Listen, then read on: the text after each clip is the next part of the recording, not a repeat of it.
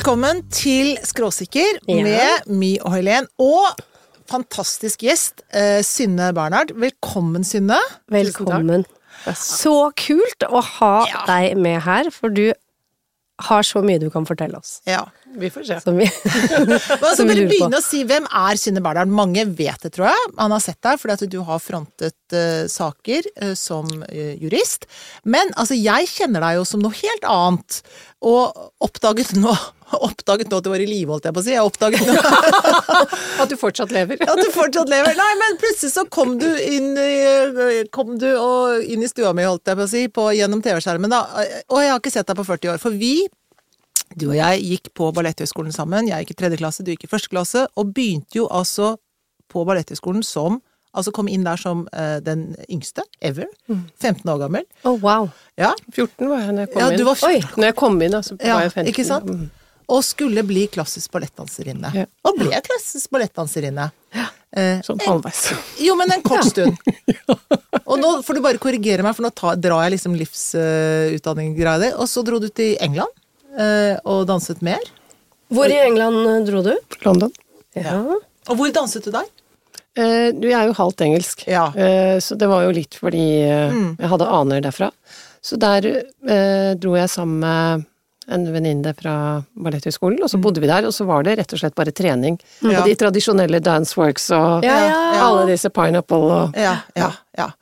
Og så, men så bestemte du deg for at du ville gjøre noe annet. Og så, eh, men på Balletthøgskolen så er det ikke så mye allmenn Det er ikke, det er ikke studiespes, eh, er det ikke så mye av der. Så da måtte du ta eh, videregående, altså artium måtte du ta da. Og jo, hvor fort bestemte du deg at du skulle gjøre det? Men du, jeg har bare lyst til å gå tilbake til Ja, tiden ja. til Balletthøgskolen. Ja. Eh, Fordi at jeg har jo klare minner fra kantina Ja, har du det? på Statens balletthøgskole Ja. På, ute på Vippetangen Herregud. av Helen Vikstvedt. Okay, Ja, fortell. ja. Som fortell var den største, den skumleste, Ja. den farligste Ja, ja, på ja. hele balletthøgskolen. Hvor- Hvorfor, hvorfor, hvorfor? Fordi hun var så rappkjefta. Ja. Ja. Det har ikke tatt slutt. Nei. Og jeg, lille meg, Stakkars som kom inn der, Ja, jeg var for- så redd. Var du redd for Helen? Ja, Og nå ja, ja. Er jeg Så- kanskje ikke så redd Nei, lenger. nei. Kanskje ikke. Nei. Vi får teste det ut. Ja, vi får se. Det Ja. blir spennende å se. Det er i hvert fall sånn møt din angstterapi. Det er derfor jeg har kommet hit i dag. Så grusomt! Ja. Frekk og eh, Jævlig. Du var frekk og jævlig. Ja, helt Ja, sikkert. det var egentlig sikkert. ganske skummelt, altså. Ja, ja, det er klart det Og det. var liksom deg, og så var det Ellen Kjellberg som var litt Ja. skummel på en annen måte. Ja, For hun ville jo ja. at vi skulle slanke oss hele tiden. Gud. Og jeg spiste et helt brød til lunsj også, og var stolt av det og sa at Ja. henne jeg spiste et helt kneippbrød til lunsj. Ja, ja. Akutt hjerteinfarkt. Ja. Men eh, nei, det Ja, ja, jeg Og vi satt og røykte inne hos, husker jeg. Så det- Ja. Også ute i, i røykekorridoren, Ja. Ja. og vi satt og røykte. ja. Mamma fortalte meg, hun var eh, danser på operaen, hun fort, det var flere av hennes kollegaer som fortalte at når mamma sluttet der, så var det noen som skulle overta hennes eh, locker, altså hennes skap. Mm. Og da rant det bare masse sånne bitte små flasker med sånn champagne. Hvem var Hun modig rakk på? Kjersti Døvigen. Å, Kjersti Døvingen, ja. Ja. Ja, nettopp. Så hun hadde det supergøy på Ja. operaen. ja, ja. Ja. Uh, hun husker jeg fra Egon. ja. Ja. Vi danset jo hos Egon Meng. Ja, med. Monique Skavlan og Bente Våstad, for Ja. ikke minst. Herregud. Ikke minst. Ja. Nei, det var Så gøy. Det var tider. Ja. Så det var, jeg ville bare tilbake til denne Ja, ja, ja, historien. ja, Det er grunnen til at jeg er her. For Ja, jeg for ville nå, teste dette ut. er altså, og den terapien, den er altså psykologen i Bergen som driver med det, for det er bare å bli utsatt for det, så går Ja, det over. Det går, eksponeringsterapi. virker veldig fort. For å si det sånn, trollet sprekker. Ja, I lyset. det- Ja, ja. Vi får se. Det, Få se da, vet du. Få se, da. Få se, da. Over litt på lur.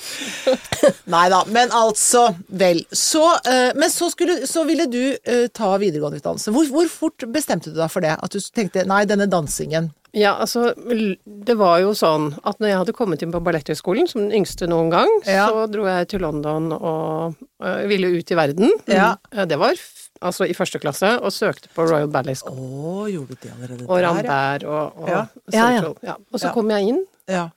Men så syntes moren min at jeg var for ung. Mm, det, Ja. det var du. Det hadde hun rett i. Ja. Det vet jeg ikke, for de var ganske unge, de som gikk der. Ja. Men jeg fikk da ikke lov. Nei.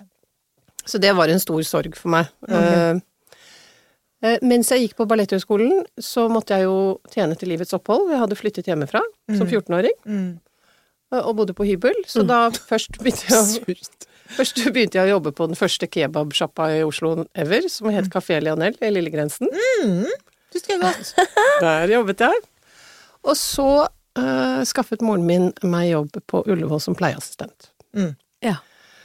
Så der jobbet jeg, og den jobben elsket jeg. Og jobbet der mens jeg gikk på Balletthøgskolen.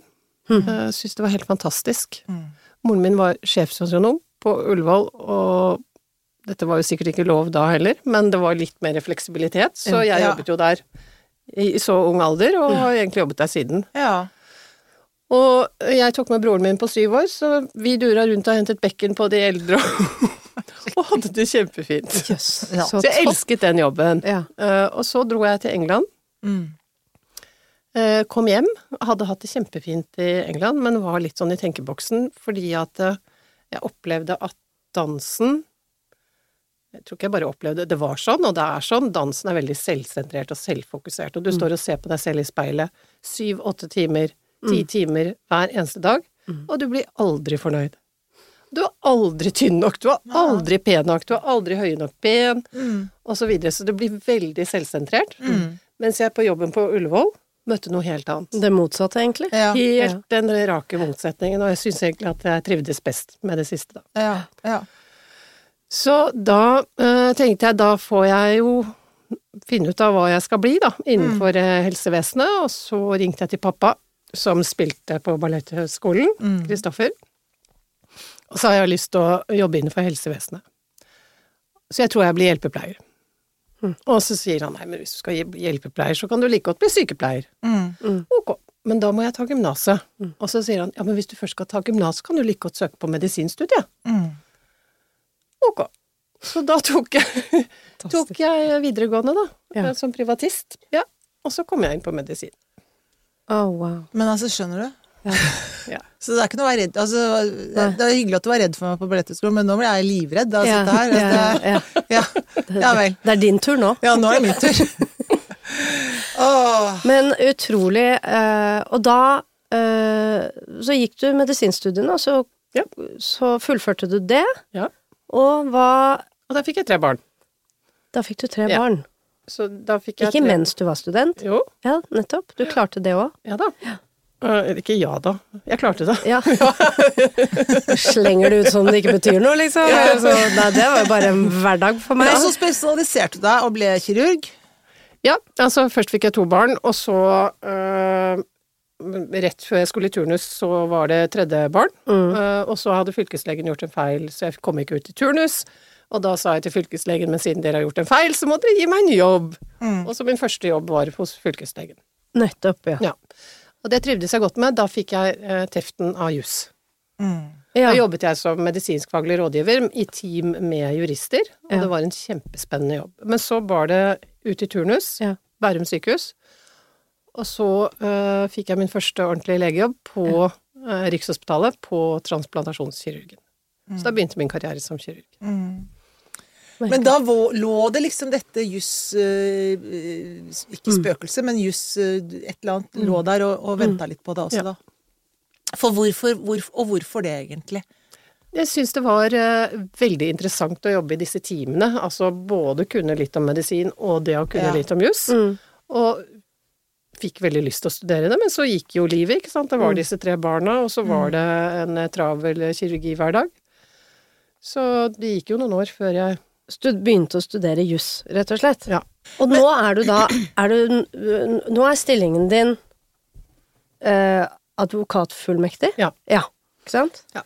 Nå har jeg eh, hatt lang nok øh, tid som fullmektig og har flere nok saker, men eh, jeg har ikke klart å sende inn søknaden om autorisasjon ennå. Men øh, den, så, rent formelt så oppfyller jeg alle vilkårene. Men hva er, hva er eh, betegnelsen helserettsadvokat, som jeg leste på nettet om deg? Er, hva, hva det Hva er forskjellen Eller det er en stille... Det er en, et yrke under advokatfullmektig? Nei, nei, advokat. Først så blir du ferdig jurist når du har studert uh, juss. Mm. Og så hvis du har lyst til å jobbe som advokat, så jobb, begynner du i et advokatfirma. Da jobber du som fullmektig. Akkurat som turnuskandidat. Ja, Ja, ja. Du skal ha en prøvetid. Eh, og så, etter at du har hatt den prøvetiden og oppfyller vilkårene, hatt nok saker i retten osv., som jeg hadde for en god stund siden, Ja. og skulle ha sendt inn søknad, men ikke har gjort det ennå, så blir du advokat. Og fordi at jussen er så stort, det er så mange eh, Ja. fagfelt, det er så, Ja. også det blir så veldig spesialisert, Mm. så kaller jeg meg helserettsadvokat. Akkurat som noen har, driver med arbeidsrett, Ja, og noen nettopp. driver med Ikke sant? Altså, ja, sånn barnerett og ja, sånn. Men Og da, og da kom du tilbake inn i mitt liv. Ved at jeg satt og så på TV, og så plutselig så var Synne der. Så tenkte jeg, men i alle dager, dette er da Synne? Mm. Eh, fordi vi, vi ser helt like ut. Eh, Nei, og så og, og, og, Men det som mer enn det at det var deg, så var det jo den saken som du frontet da. For da var det snakk om LAR-pasientene, og det var snakk om Og så vi må bare gå inn, det skal vi bare ta nå etterpå, hva Ja. LAR er for Ja, for det sånt. Men, ja, at det må snakke om det. Men, men også tenkte jeg Hå! Du holder på med noe som er altså helt fantastisk, som vi har snakket om, og som er så viktig, nemlig hva vil det si Altså misbrukere og deres rettigheter i forhold til helsehjelp. Da. Hvor Mm. er deres plass i Og det handler jo ytterste Det handler om hvor er deres plass i samfunnet, egentlig. Ikke sant? Altså, Mm. er det rettigheter som vi har i vårt samfunn, som de på, er helt uh, avskrevet fra? Altså, de får, får ikke ta del i det. Og hvorfor er det sånn? Mm. Og det er da LAR-pasienter. Kan ikke du bare forklare hva LAR er for noe, for de Jo. som ikke vet det? Absolutt. Uh, LAR står for legemiddelassistert eh, rehabilitering, og er en undergren av det som kalles tverrfaglig spesialisert behandling. Mm. Det er en del av spesialisthelsetjenesten, hvor man egentlig for en god del år siden, eh, slutten av 90-tallet, kom til den erkjennelsen at eh, det var mer humant å hjelpe mennesker som var blitt avhengig av heroin, ved å gi dem en resept, så de slapp å gå på gata. Så det var mer humant å tilnærme seg det på den måten. Så tanken er god, Tanken er kjempegod. ikke sant? Og det var et paradigmeskifte, på en måte. Og det kom på grunn av hiv-bølgen, eh, hvor man tenkte at her, nå må vi gjøre noe. Eh, og så ble dette regulert, sånn rettslig regulert i 2010, fikk sin egen forskrift. Eh, og egne retningslinjer. Så eh, LAR, tilbudet om legemiddelassistert rehabilitering, har vært i Norge en god del år, og ble som sagt regulert mer håndfast og lagt i spesialisthelsetjenesten i 2010. Eh, Det som er poenget, er jo da å bytte det illegale eh, mm. eller de illegale stoffene med noe legalt som de får på resept. Ja. Og så har tanken vært å følge de opp med psykososiale tiltak i tillegg til den resepten, så Ja. de får stablet seg på beina og får tilbake Et verdig mer, liv, mer liksom. verdig liv. Det høres jo kjempefint ut, alt Ja. det der der. Ja, og jeg tror det har vært uh, vellykket for mange. Kanskje for de som er mest ressurssterke, men de som trenger det mest Det er i hvert fall mange som har ringt meg etter den lørdagsrevyen som kom for to år siden, tror jeg det var. Mm. Kanskje 2000 pasienter. Og som har fortalt uh, sin historie. For de faller utenfor, eller får det ikke til. Ja, altså de, eh, de opplever at LAR har vært uh, altfor rigid. Lite individfokusert. Eh, de opplever at de har blitt stigmatisert, trakassert. Mm. De opplever at straffen er tatt inn på legekontoret, så de ikke, får de det ikke til fordi de har en sykdom som heter avhengighet, som gjør at man har et visst atferdsmønster. Mm. Får de det ikke til på grunn av det, så blir de straffet. Mm. Og de opplever det som straff når for eksempel behandleren i LAR sier at ja, nå jeg at du har tatt uh, røyka cannabis. Det, nå må du eh, ta urinprøver eh, tre ganger i uka i et halvt år. Mm. Mm. Så de opplever ikke det som en hjelp, men Mm. det er en straff for en det de har gjort, istedenfor at man setter seg ned og snakker med pasienten. Det som har vært eh, en stor ulempe med legemiddelassistert eh, rehabilitering, det tilbudet, det er at det er bygget opp på en helt annen måte enn vanlig helsetjeneste. For når du trenger legehjelp, så bestiller du time hos fastlegen din, og så får du treffe legen. Ja. Eller hvis fastlegen din henviser deg til spesialisthelsetjenesten, så treffer du en spesialist, en lege. Mm. Når LAR-pasientene kommer inn i spesialisthelsetjenesten, så treffer de det som kalles en behandler. Det kan være en vernepleier, en sosionom, altså en annen, Ja. eh, annen faggruppe. Men det- ikke lege. Nei. Så det er den primære kontakten pasientene har. Mm. Og det er til denne pasienten sier men nå har jeg så mye bivirkninger, så nå må jeg få lov å bytte medikament. Ja. Da må behandleren gå til det som er en underordnet lege, og så si nå vil eh, Ole Hansen bytte medikament. Mm. Da sier den underordnede legen ja, den beslutningen kan ikke jeg ta, så nå må jeg gå til overlegen. Mm. Da sier overlegen ja, men den beslutningen kan ikke jeg ta alene, så det må jeg ta opp i kollegiemøte. Og ukene går. Og ukene går, og så sitter da til slutt et kollegemøte på fem-seks eh, mennesker, diskuterer da denne pasienten, som de aldri har sett, og så sier de nei. Vi, vi går er ikke med på dette. Det er fire ledd.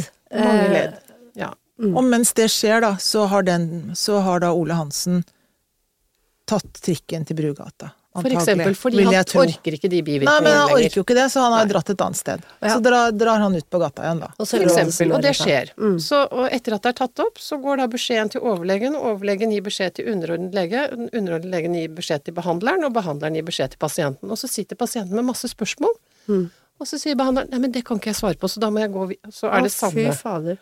Ja, så det er ikke en ordentlig pasient, egentlig. Nei, så det er, det er, du har ikke den tradisjonelle oppbyggingen av helsetjenesten hvor pasienten kommer til legen, og man sammen diskuterer hva som er best for pasienten. Nei. Kan jeg da spørre Du ga et eksempel på hvis jeg trenger lege, så går jeg til lege. Hvis jeg trenger det, så går jeg videre til en spesialist hvor jeg blir henvist.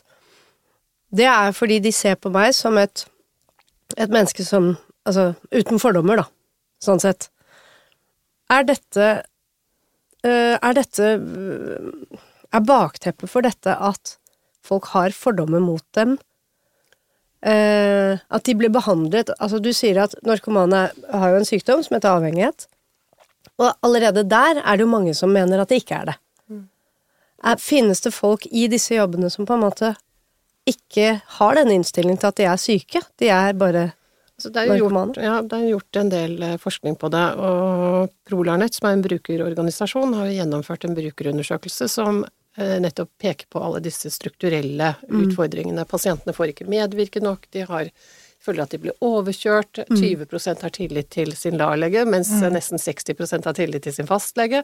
Men fastlege får ikke lov å hjelpe dem, får ikke lov å skrive ut medikament med mindre de er involvert i spesialisthelsetjeneste. Masse sånne skakkjørte Ja. ja. regler. Men om oppbyggingen eh, er et uttrykk for en slags diskriminering eller sånn, det, det tror jeg nok ikke. Man tenkte at det var hensiktsmessig å bygge det opp sånn. Ja. Men hvorfor man tenkte det, det vet jeg ikke. Hvorfor det skulle være annerledes for denne pasientgruppen, det vet jeg ikke. Men det alle kan, andre. Ja. kan ha noe med en slags moralisme i det. Ja, for det var neste spørsmålet mitt, for det hører man jo ofte om at vi i Norge er styrt av moral når det kommer til avhengighet, eh, alkoholisme, narkoman, eh, altså avhengighet. Eh, vil du si at i motsetning til andre land, er det annerledes? Hvordan ligger vi an i forhold til andre land? Altså, jeg syns det er bedre å sammenligne med f.eks. hvordan eh, kreftsykdommer, altså pasienter med Ja. kreft blir behandlet. Hvordan, eh, Hvilke fokus får kreftsykdommer, hvordan blir du behandlet når du får kreft? Eller hvis du har brukket et bein, Mm. eller hvis du har gallestein. Mm. Altså, det er helt klart at uh, den tilnærmingen man har hatt til sykdommen avhengighet, som har en egen diagnosekode, den er preget av moralisme. ja. Mm. Det er ekstremt lite medisin, og jeg skrev jo en kronikk om dette i Advokatbladet for en stund siden, hvor jeg spurte ikke bare hvor er menneskerettighetene blitt av når man skal ivareta rusavhengige, Mm. men hvor har medisinen blitt av? ja, Ja, fordi det er bare det er ikke en tradisjonell medisinsk tankegang. Den er nok på vei inn nå. Eh, Hva betyr det? Eh, Det betyr at man nå skal eh, Dette er kanskje litt eh, farlig å si, men nå skal også eh, LAR, altså tilbudet LAR, begynne å følge loven. Oh, ja. Ja, fordi at loven har ligget der klar hele veien. Alle som har pasientrettigheter, har rett på en konkret og individuell vurdering, og behandlingen skal være tilpasset individet. Mm. I LAR har det vært to medikamenter man har tilbud om. Mm. Ja. Og, ja, ja, ikke sant. For det er, bringer oss videre da, til det du sier, at etter det lørdagsintervjuet på Dagsrevyen, så, så er det klart at folk kontakter deg, fordi for man skjønner plutselig at det, med de to medikamentene, så er det klart at det er da favner jo ikke hele gruppen, og så er det noen som faller utenfor. Og hva skal man gjøre med de, eller for de? Hva gjør man da? Ja, og det, det er et veldig godt spørsmål. Jeg, jeg står i en sak hvor dette er et sentralt spørsmål. Fordi at LAR favner ikke alle. I 2021, tror jeg, årsskiftet, så var det ca. 8100 pasienter i LAR. Mens det var opp mot 10 000 injiserende sprøytenarkomane utenfor. som ikke har noe tilbud. Så hva skal vi gjøre med de? Jo, eh, i, i opptrappingen eh, på rusfeltet på 2000-tallet opp mot 2009, så var eh, Håkon Hansen helseminister, og han eh, opprettet da lavterskeltilbud som heter 24-7, og Gatehospitalet ble Ja. opprettet. Mm. Hvor du da, det er noe annet enn spesialisthelsetjeneste, du trenger ikke henvisninger, ikke sant, det er ikke alt dette byråkratiet, men de er jo øh, kanskje de som er best på disse sykdommene, og der kommer pasientene rett inn fra gata. Så det er et tilbud eh, til de. Så man så jo det Eksisterer det fremdeles? Ja, ja. Så man så jo det allerede at eh, ikke alle passer inn i LAR, ikke alle kommer inn i LAR, ikke alle klarer å holde ut i LAR. Nei. Så vi må ha noe annet. Men dette er jo bare eh, Mm. et tilbud til få igjen, ikke sant. Det er eh, Ja. Så mm, Men altså, er, er det i Sveits blant annet, så har de jo heroin på resept, har de ikke det? Altså, Jo, det er noen det har land vi. har jo valgt å Ja. gjøre det sånn. vi har det i Norge òg. Har man det i Norge også? Heroinprosjektet, det ble Ja. starta i 2021, tror jeg. Ja. Og det har Eh, ingenting med LAR da å gjøre? Det er, det er samme gruppe, type behandling, Ok. eh, men heroinprosjektet er bygget opp på en enda mer krevende måte for pasientene, Mm. hvor de ofte må møte to, to ganger per dag for å få Skudd, ja, liksom? ja, injiseringen. Så eh, det er et godt tilbud, men det er veldig krevende for pasientene. Jeg kjente en som var der, som nå dessverre døde ved juletider, men han sa at det var Han som nå var 66 år, følte seg innelåst. Ja, Eh, ja. Han kunne ikke gjøre noen ting, han kunne ikke reise hjem. Eh, Nei. Altså, Er det landsdekkende, eller er det bare i Oslo, dette her? det er bare i Oslo. Men hvordan skulle, man, hvordan skulle man gjort det, da? I tilfelle hvis man skulle si at du, du trenger heroin. Ja, da er medisin for deg heroin. Går det an å gjøre det på en annen måte, da? Altså, hvis Ja. man, hvordan skulle man gjort det da, Ja, da? og det er jo gjort eh, man, Det er jo mange leger, og mange i spesialisthelsetjenesten, som så veldig tidlig at uh, her funker det andre preparater. Mm. Her funker morfinpreparater, Dolcontin og så videre, gi. ikke sant. Så det er mange, eller ikke mange, Men som er piller man kan ta Ja. selv, da. Og som funker mye bedre. Og som, uh, fordi mange har ganske uttalte bivirkninger av de to medikamentene som har vært det tradisjonelle tilbudet. Som er tilbudet. Subutex og Metadon. Ja. Ja. Og så har man da konvertert til f.eks. Lokontin og ser at det funker kjempebra Ja. på noen. ja. Og så vet jeg ikke hvorfor det er så stor motstand mot det. Man bruker argumenter som at ja, men da må de ta det flere ganger per dag, og da må de ha flere overvåkte inntak, altså de får ikke lov å ta det alene. Altså, det Men det, der ligger det en, en, en presumpsjon for at man ikke kan stole på disse menneskene. Ja. Og det Ja. syns jeg blir helt feil. ja. For Utgangspunktet må jo være at du har tillit til pasienten, og så bygger du opp et opplegg rundt pasienten som du og pasienten finner sammen. ja.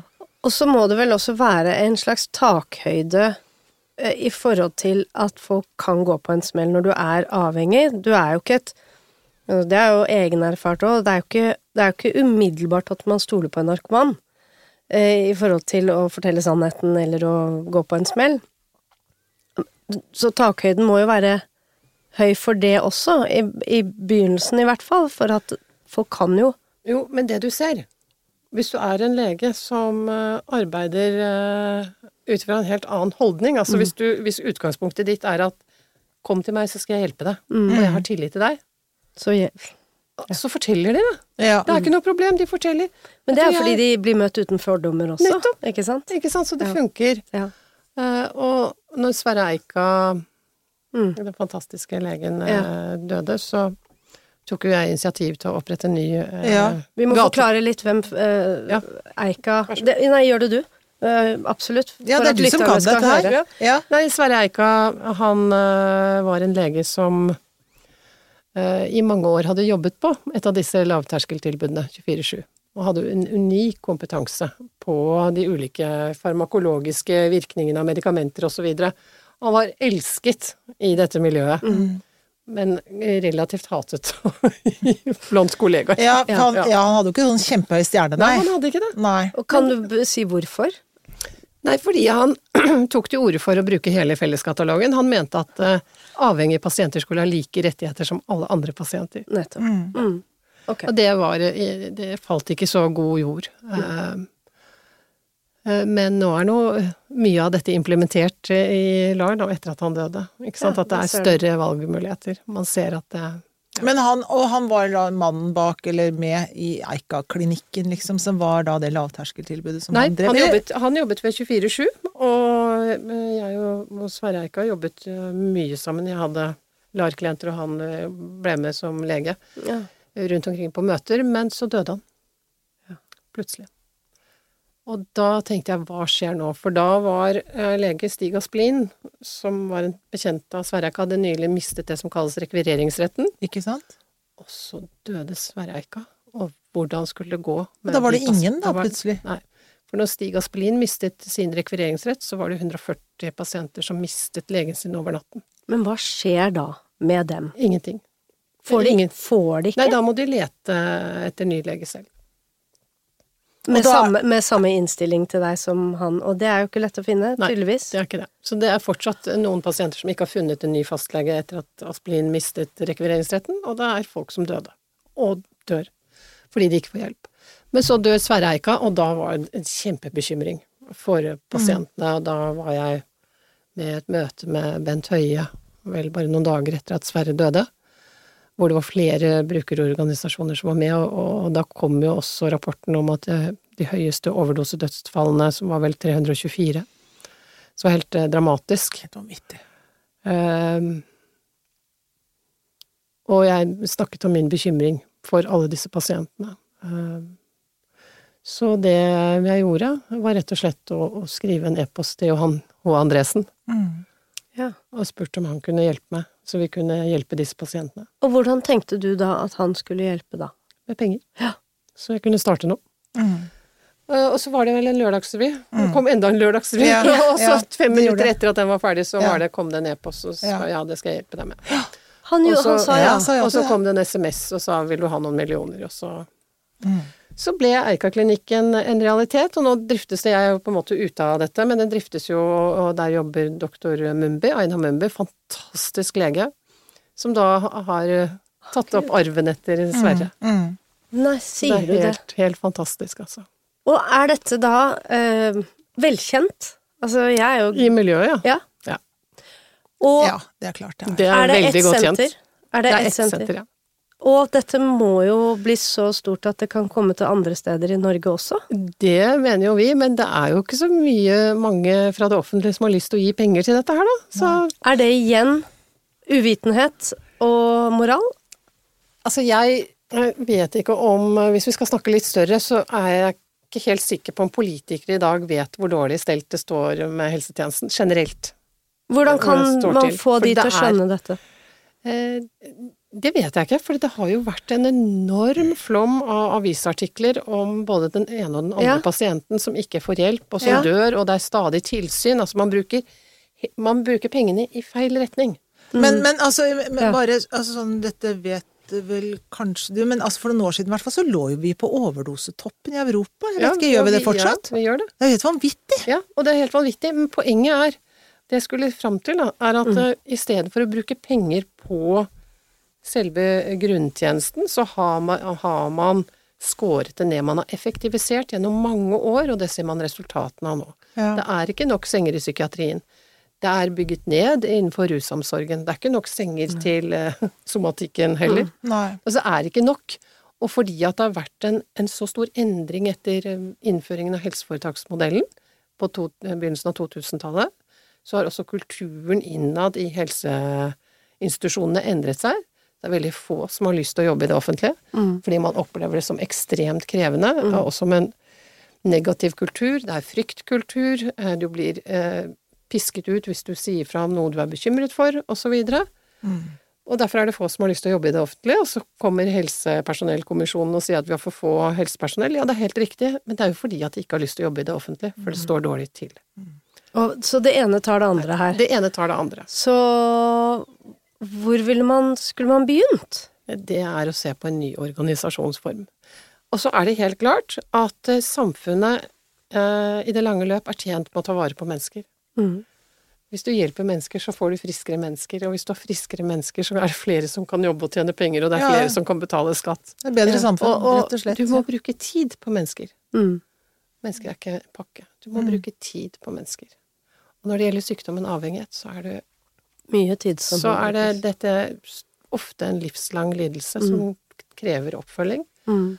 Og, og det må bli en mye, mer, mye større bevissthet rundt at også tilbudet legemiddelassistert rehabilitering må faktisk følge loven, også, og, gi, og gi pasientene de, de rettighetene Altså hjelpe de med å få oppfylt sine rettigheter, på samme måte som alle andre pasienter. Men det er en systematisk og strukturell diskriminering av disse pasientene. Det er ikke bare i helsetjenesten, og det er i statsforvalterembeter, altså det er gjennomsyrer i Norge. Og det er gjort en del forskning på det, Folkehelseinstituttet har sett på det, og det er helt riktig. Det, det eksisterer. Jeg Ja. har et uh, spørsmål til deg også angående For vi var inne på nå før reklamen uh, menneskerettighetsbruddene knyttet til LAR-pasienter. Hvis det er så eh, mye av det, og, og så grove eksempler som jeg har lest om Jeg, jeg skjønner ikke at det ikke får større uh, At det ikke blir synligere, eller at det ikke at det ikke blir snakket mer om. Det er vel fordi de er nederst på rangstigen statusmessig for oss i samfunnet. Det kan nok være det, og så er det ikke så lett for de å snakke selv. Nei. Ikke så de sant? Det trenger er- stemmer. Fordi, altså, hvis man skal på en måte heve sin røst, så må man skjønne at det er noe galt. Og hvis dette er det de er vant til, så skjønner man ikke at det kan være annerledes. Man vet ikke hva som er galt. Og så er det vanskelig, hvis man er i en eh, så vanskelig livssituasjon som veldig mange av disse er, å, forstå hva kan jeg klage på, og Mm. hvor kan jeg klage, og hva skal jeg skrive klagen på? Hvor skal jeg sende den, hvem kan hjelpe meg? Jo, da må du klage fordi du mener at det er noen paragrafer i loven som er brutt. Ja, men hvordan kan jeg vite hva den paragrafen sier, da? Men det handler vel så mye om, for mennesker med en sånn type avhengighet, så handler det vel om på en eller annen måte å holde seg flytende bare altså Nettopp. Det er et slit hver eneste dag. Ja, det er et mareritt, Mm. Ja. liksom. Altså, det er bare å ta trikken forbi Guneriet, så ser man Ja, ja. folk som har det forferdelig Nei, de har mer enn nok med å bare leve. Men, men hvis du ser da på altså Så har man da LAR-pasientene, og så har man da den andre gruppen da, av misbrukere, eh, eller avhengige. Og eh, hvis man ser da Har man noe tall på hvor mange mennesker det er snakk om? Altså Ja. sånn på landsbasis? Det, som jeg sa, eh, så var det i årsskiftet 2021 så var det ca. 8100 i LAR, og opp mot 10 000 Og 10 000, ifølge ja. eh, Folkehelseinstituttet, som var injiserende, altså. Ja, og så har du ja. mange andre Ja, i andre kategorier. Ja, ja. Men, og hva tror du da, altså, eh, av den gruppen av de som da ikke er i LAR, hvor mange av de er det man kunne ha greid å ta tak Altså, hvordan skal man ordlegge seg? Altså greid å hjelpe, da. Altså, Jeg tror det er få det ikke er mulig å hjelpe. Ikke sant? Ja, jeg tror det er veldig få det ikke er mulig å hjelpe, men du må ha et apparat Ja. som kan ta det imot. Eh, Og senest i dag så var det en eh, LAR-pasient som ringte meg og sa at nå tror jeg jeg melder meg ut av LAR, for dette er helt forferdelig. Altså, de opplever seg så stigmatisert, Ja. så mistrodd. Det er ingenting som hjelper. De får ikke byttet medikament, de får ikke smertelindring. Altså, jeg har jo mange eksempler. Det var en klient av meg som skulle ta føde, måtte ta keisersnitt, fikk ikke ordentlig smertelindring. Keisersnitt uten. Å, faen. Men hva, var gru, hva er da Fordi du er grunnen LAR-pasient, du kan bli avhengig. Det går ikke an. Er jo avhengig. Det er liksom bare slappe av litt, da. Ja. Og så har du eh, min eh, klient eh, nede i Vestfold, som har vært om det, en del om i media, som ble påtvunget hjemlevering av medikamenter hver eneste dag i ti år. Hva betyr det? Du må sitte hjemme hver eneste dag i ti år. Sitte i fengsel, da. Og hun kaller det fo- Fotlenke. Fot, fotlenke. Ja, men det er jo det. Og det er helt forferdelig. Og så kontaktet hun meg, og nå har vi fått henne ut av det regimet, men i ti år Men hun måtte skjønne at jeg må den, Men det er jo fordi at jeg var i avisen, så tenkte hun å endelig Kanskje er det noen hun- som, noen som bryr seg om oss. Ja. Ikke sant? Og sånne 2000 sånne telefoner har jeg fått. Men hvor mange er det da, Synne, som bryr seg om dem? Det er deg, da, så to til, liksom. Ja, for det det, er ikke så innmari Jo, men det Jeg tror er jo jeg tror det er mange ja, er det som ja. Men, ja, men seriøst, er det mange som jobber sånn ordentlig i den retningen? Hvor mange er det? Ja, altså jeg vet ikke om det er så mange advokater som jobber med dette sånn, som et slags spesialfelt. Det vet jeg ikke. Nei. Men det er klart at uh, i, ute i miljøet så er det jo mennesker som ser at det LAR som var, Ja. det, det har ikke vært bra.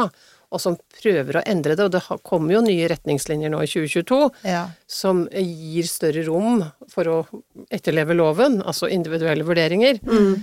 Eh, Er det noen politikere du kjenner som på en måte tar dette litt på alvor nå? Ja, jeg syns det. Jeg hadde jo møte med Bent Høie. Hatt møte med Bent Høie før han gikk av flere ganger. Jeg har hatt møte med Kjerkol. Eh, Men jeg tror du må gjøre noe med hele strukturen i LAR, for den kulturen sitter så i veggene, og den eh, ovenfra og ned-holdningen eh, om at 'jeg vet best hva som er bra for deg', du, du skjønner ikke på det. Nei, for da bringer det meg til det neste, for jeg tenker hvis man da flipper om og sier jo, så er det deg, da, og en, et knippe mennesker som arbeider med dette, som er deres da eh, folk i fronten, på en måte, og noen eh, leger som jobber for dem. Men de legene da, som Stig Asplin for eksempel, de kommer jo i trøbbel, fordi de da skriver ut Er det B-preparater? A- og B-preparater. B-preparater, ikke sant, som er da eh, Og mister da lisensen sin, ikke sant? Og det eh, Så man risikerer da faktisk yrket sitt. Man, får, man får, får ikke lov å jobbe eh, som det og, og det betyr jo både det at man er man vet at man skal gjøre ting på en annen måte, prøver å gjøre det, og så blir man da stoppet av et system som gjør eh, Bare skyver det til siden, som det blir helt umulig. Men hva er, hva er begrunnelsen altså, i en sånn at han mister Hva heter det? Rekvi, Rekvireringsretten. rekvireringsretten. Hva er begrunnelsen da? Hva sier Ja, det til veldig, det? det? det er et veldig godt spørsmål. Eh, og, og dette er jo i en rettsprosess, jeg skal ikke si for veldig mye Nei, det om den saken, men jeg, jo, men jeg kan eh, si noe om det som har vært. Og, og det som er faktum i saken, for det er velkjent, det har stått i media. Uh, men jeg skal passe meg for ikke å bli forhåndsprosederende. Ja. Uh, Men det som er faktum i saken, er jo at Asplin gjennom et langt liv har hatt veldig mange pasienter med psykisk helseutfordringer og rusproblemer, og hadde vel på det tidspunktet han mistet rekvireringsretten, altså muligheten til å skrive ut resepter på AB-preparater, ca. 140 på sin liste. Han ble kjempepopulær, og etter hvert så han selv at dette blir for mye. Mm. Så han forsøkte å få hjelp både fra eh, statsforvalter og bydelsoverlege til å redusere listen sin, men det var ikke så mye hjelp å få der. Og, og overføre dem til andre Ja, leger, for eksempel? nettopp, ja. Og så går kritikken av ham og andre leger på eh, at de har skrevet ut A- og B-preparater for lenge utenfor spesialisthelsetjenesten. Og da skal jeg ta med et lite poeng eh, som går tilbake til det vi snakket om i stad, for når dette ble rettslig regulert og lagt i spesialisthelsetjenesten, så fikk man noen regler som sa at en fastlege kan bare skrive ut i tolv måneder, Ja. og forutsatt at det Samme er Samme preparat i tolv måneder? ja, altså som er en substitusjonspreparat, da. At du bytter ut Mm. noe med noe annet. Det kan du bare gjøre i tolv måneder, forutsatt at du også er under nedtrapping. Så det betyr at fastleger kan ikke drive med dette alene. Det er etter forskriften ikke lov. Alle må inn i spesialisthelsetjenesten, men så vet vi at spesialisthelsetjenesten ikke har plass til alle, og det er ikke alle som passer inn der og orker å være der. Så da er det noen leger som 24-7 eh, og Sverre Eika, som har forsøkt å hjelpe det, og så har de trengt fastleger til å ta over, for alle kan ikke være på 24-7, da knekker det tilbudet sammen, de må ha noen å henvise til. Mm. Og da kom Og Aspelin da inn. kom Aspelin inn, så han har tatt over noen pasienter derfra. Og i denne tilsynssaken var det seks pasienter det dreide seg om. Fem var avhengige, og én var en smertepasient. Alle fem pasientene som har vært gjenstand for den tilsynssaken, har klart seg kjempebra. Er det sant? Ja, de har klart seg kjempebra. Alle bor i egne leiligheter. Har kontakt med familie. Mm. Eh, kontakt med barn. Eh, noen har I motsetning til før? I Altså, motsetning til før, ja. så dette er en forbedring. Ja. Deres måte å bli behandlet på av han, eller dis, Mm. er en, det er en betydelig bedring i deres livskvalitet. Det har vært det. Det har vært virkelig så oppnådd formålet med behandlingen, men allikevel så sier paradoksalt nok eh, tilsynsmyndigheten vi bryr, så, bryr oss ikke noe om hvordan det gikk med pasienten, vi bryr oss bare om at du har brutt Reglene. forskriften. Ja, men det er helt, Det er helt hjerteskjærende, Ja, det, er, det. er hjerteskjærende. Men jeg har lyst til å bare fortelle om en, Ja. en av disse pasientene som heter Ja. Roy. Han har vært eh, mye i media selv, men han døde nå ved juletider.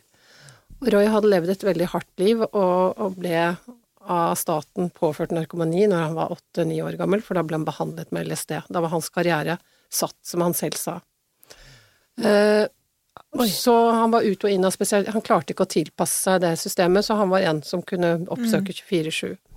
Hadde et forferdelig liv. Eh, veldig slitsomt liv. Masse kriminalitet, ikke sant, og injeksjoner hver dag. Så kommer han til 24-7, treffer Sverre Eika.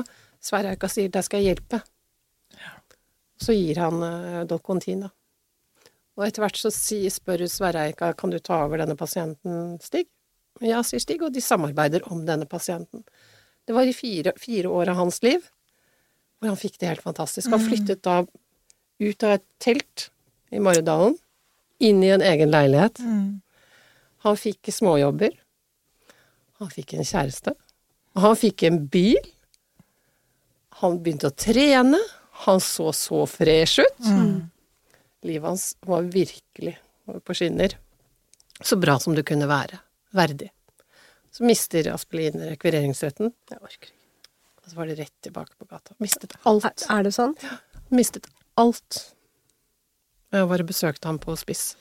Og det var så hjerteskjærende. Og han har skrevet et brev som jeg har lest opp i retten i denne saken, som er så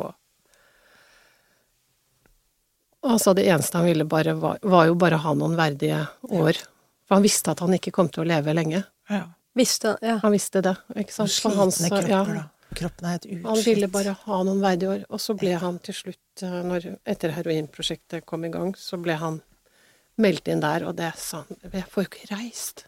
Jeg får ikke dratt hjem, jeg får ikke besøkt familien min. Nei.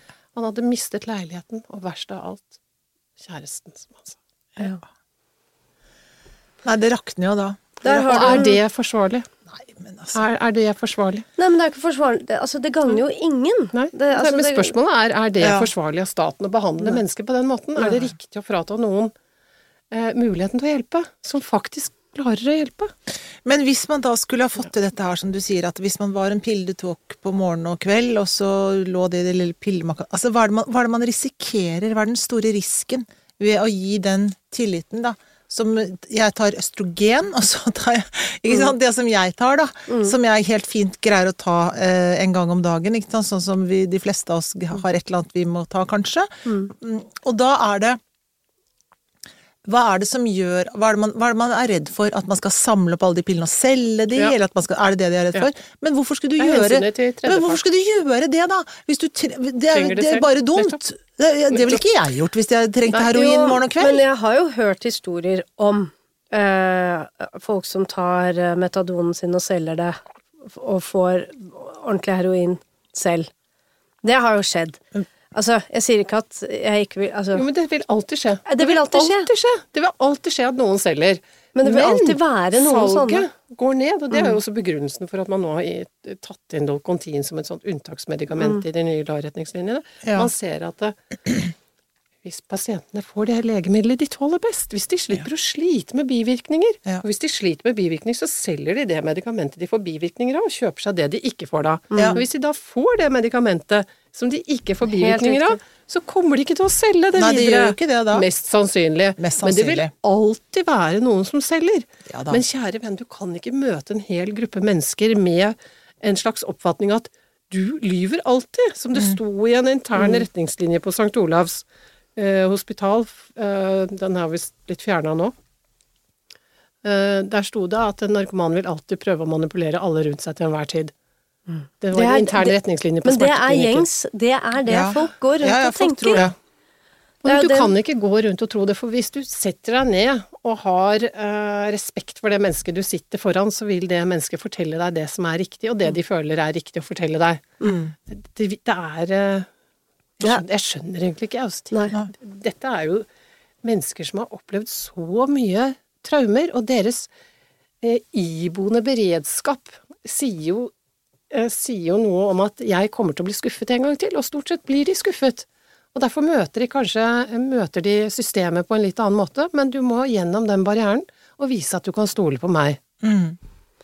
Er det litt sånn, hvis du tenker på øh, i regjeringen, i, altså av politikerne våre Det sitter, så vidt jeg vet, så er jo dette en, eh, en del av samfunnet som Jeg vet ikke om noen av dem har vært i nærheten av å vite hvordan det er selv, eller har vokst opp med, med, med dette tett på. Altså, vi hadde jo Ninni i forhold til det, og det tror Mm. Og jeg var da ganske skjedde- da viktig. skjedde mye. Da skjedde Ja, det mye, det fordi det. det kommer så nært, og da har du en åpenbar forståelse. Ja.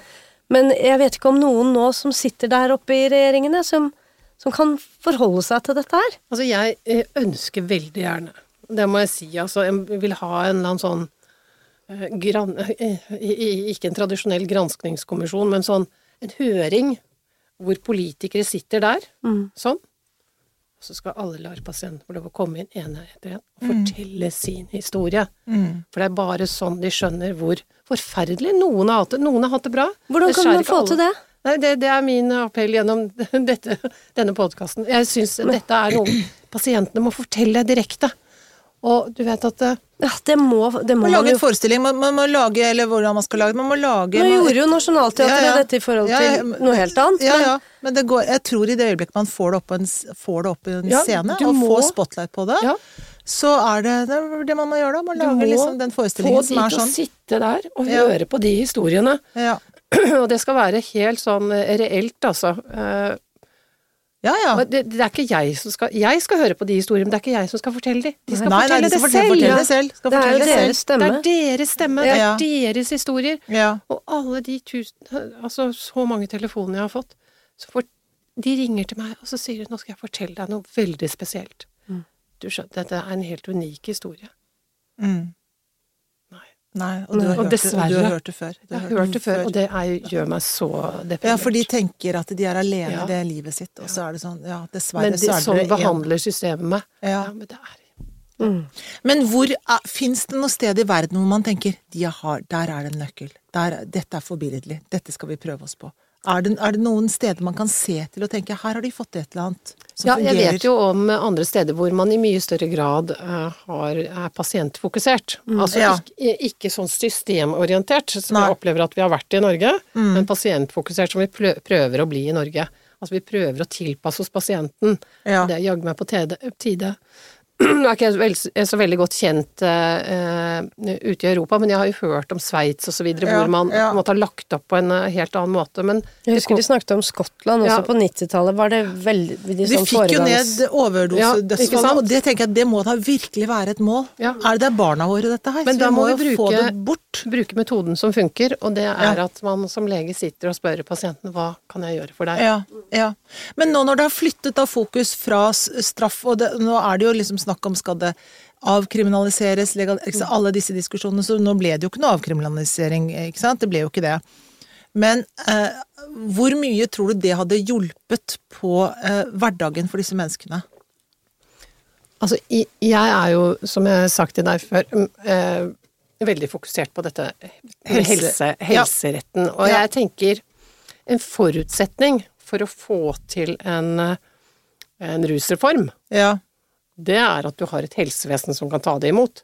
Det har du ikke i dag. Nei, ikke Så Mm. det går ikke, uansett. Nei, for det er nettopp det. Forutsetningen for å få det til er ikke til stede. Men for det er jo Nei. kjempeinteressant, Synne. For det er jo nettopp det man snakker når man skal flytte fokus fra eh, at det er kriminelt, til helsevesenet. helsevesenet.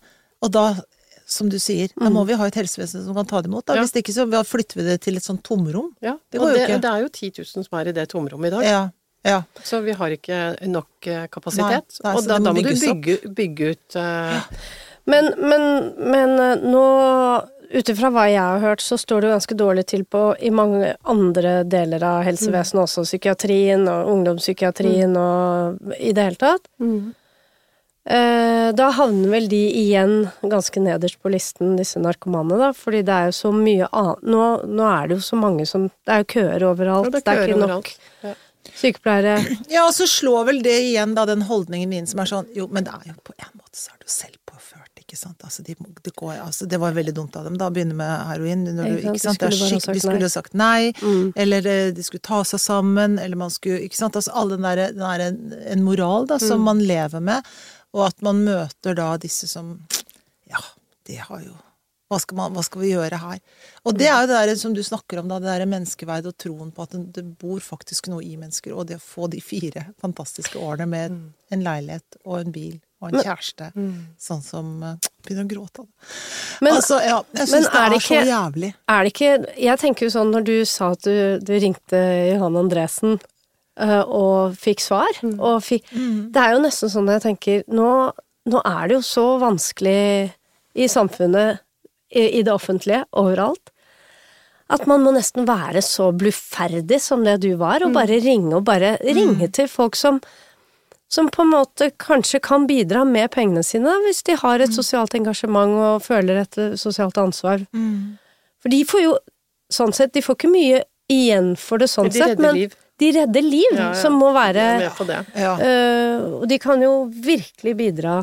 Men jeg tror det er eh, Etter at dette skjedde, så har jo, har jo regjeringen gjennomført eh, en reform. Så kan man være enig eller uenig i den, men de la ned det som ble kalt fritt behandlingsvalgordningen. Mm. Hva vil det si? Eh, Der kunne pasientene velge om de ville eh, bruke en offentlig institusjon eller en privat institusjon. Å ja. Ja. Uten å betale selv? Ja, så det er det offentlig betalte.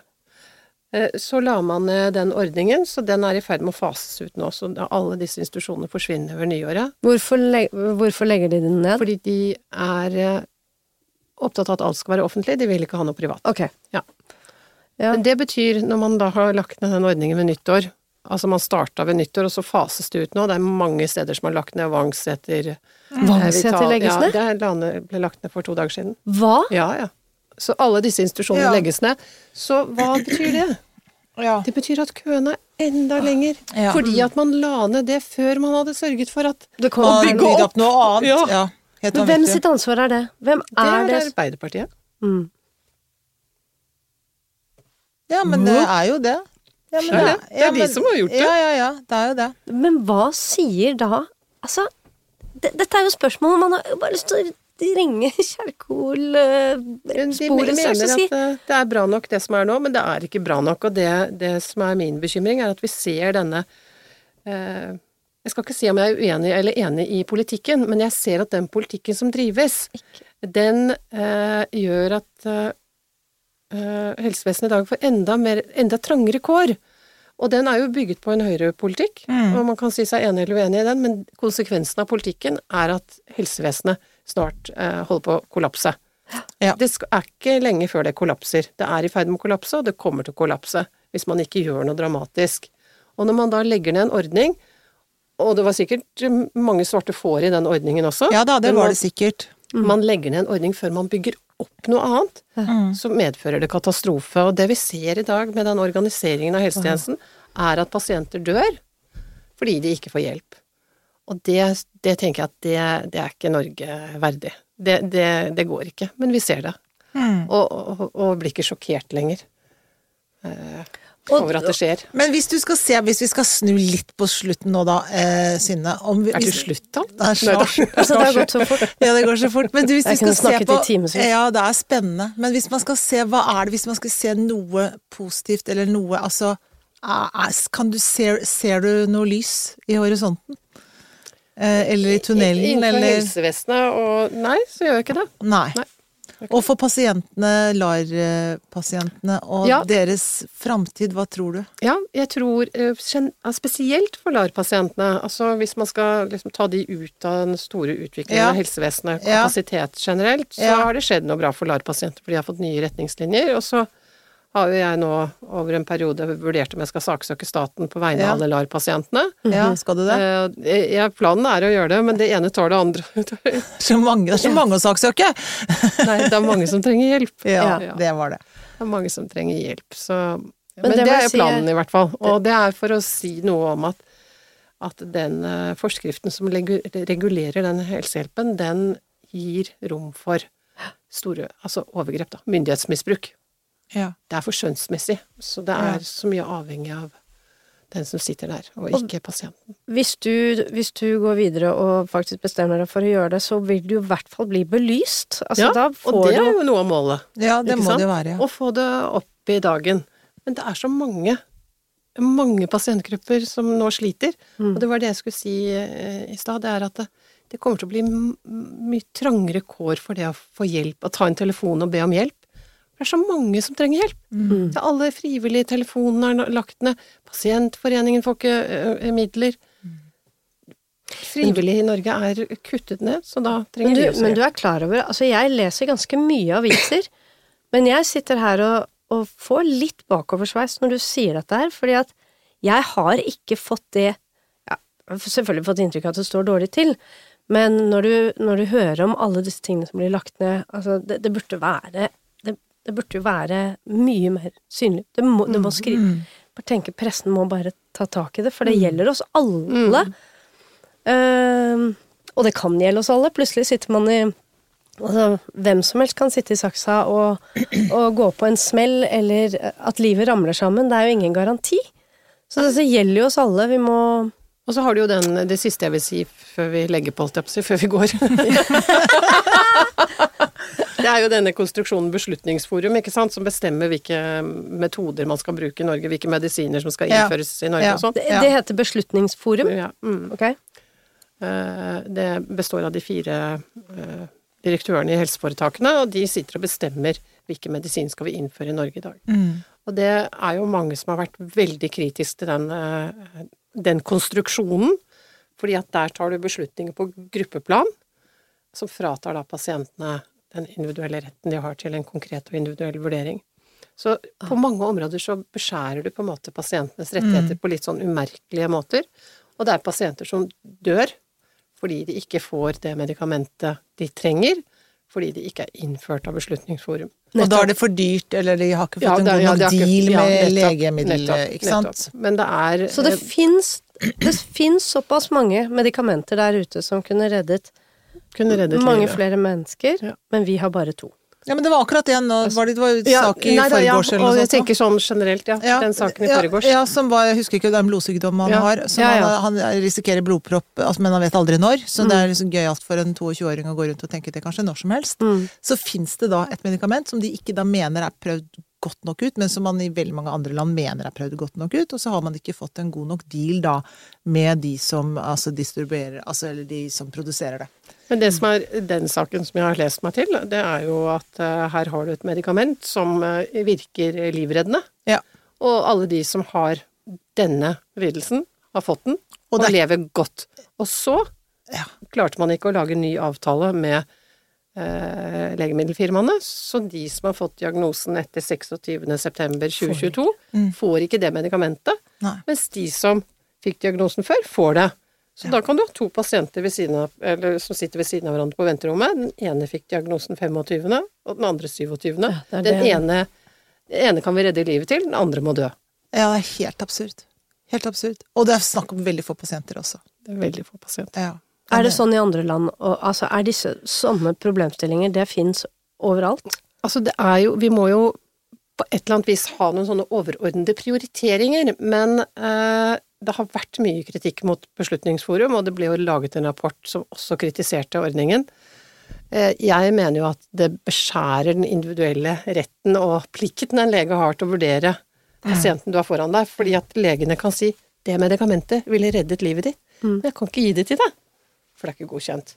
Og men du kan selges på apoteket, så du kan bare gå og kjøpe det selv, det koster bare fem millioner. Mm. Men jeg kan ikke skrive den resepten, for hva skjer hvis jeg skriver den resepten? Mm. Jo, da kommer tilsynsmyndigheten og fratar meg autorisasjonen. Nei, gud a meg. Ja, det er det som skjer da. Mm. Åh, Synne, altså jeg, jeg tror vi nesten må ha inn Synne senere også. ja, vi, må ha vi er ikke ferdig Nei, med vi er ikke ferdig. Vi skal ha opp, oppfølgingsmøter. Ja, det må vi. Mm. Og nå eh, fast er du, er, Hva syns du om kantin, kantinepraten nå, Synne? Det var veldig fint. Det var bedre nå. Det var litt bedre. Ja, det var Det godt. Komme inn en gang i uka til LAR-praten. Lagpraten. Nei, men det er, godt, det, er, ja, men det er godt å vite at det faktisk Der er det fak Mener du at det er håp, håp, da? At det, i hvert fall at det, det blir bedre? Der er det noe som er i forandring. forandring. Ja, jeg tror det er i forandring, og så tar ting tar tid. Og folk- tar Og folk dør imens. Men, men det er noe med Altså, du kan jo ikke bare skjerpe deg litt, da, og oppføre deg ordentlig mot disse pasientene. Unnskyld meg. Ja. Altså, Ja, når vi snak, først snakker om hvem som skal ta seg sammen, Ja, så er det, det kanskje, det er kanskje, de, det er kanskje og- vi som skal ta oss Ja. sammen litt, vi andre. oppfør deg ordentlig mot pasientene, Ja. altså. Synne Bernhard, tusen takk for at du tok deg tid til å Ja. komme og snakke med oss uh, om dette svært viktige temaet. Ja, tusen takk, Synne. Lykke til. Takk, takk.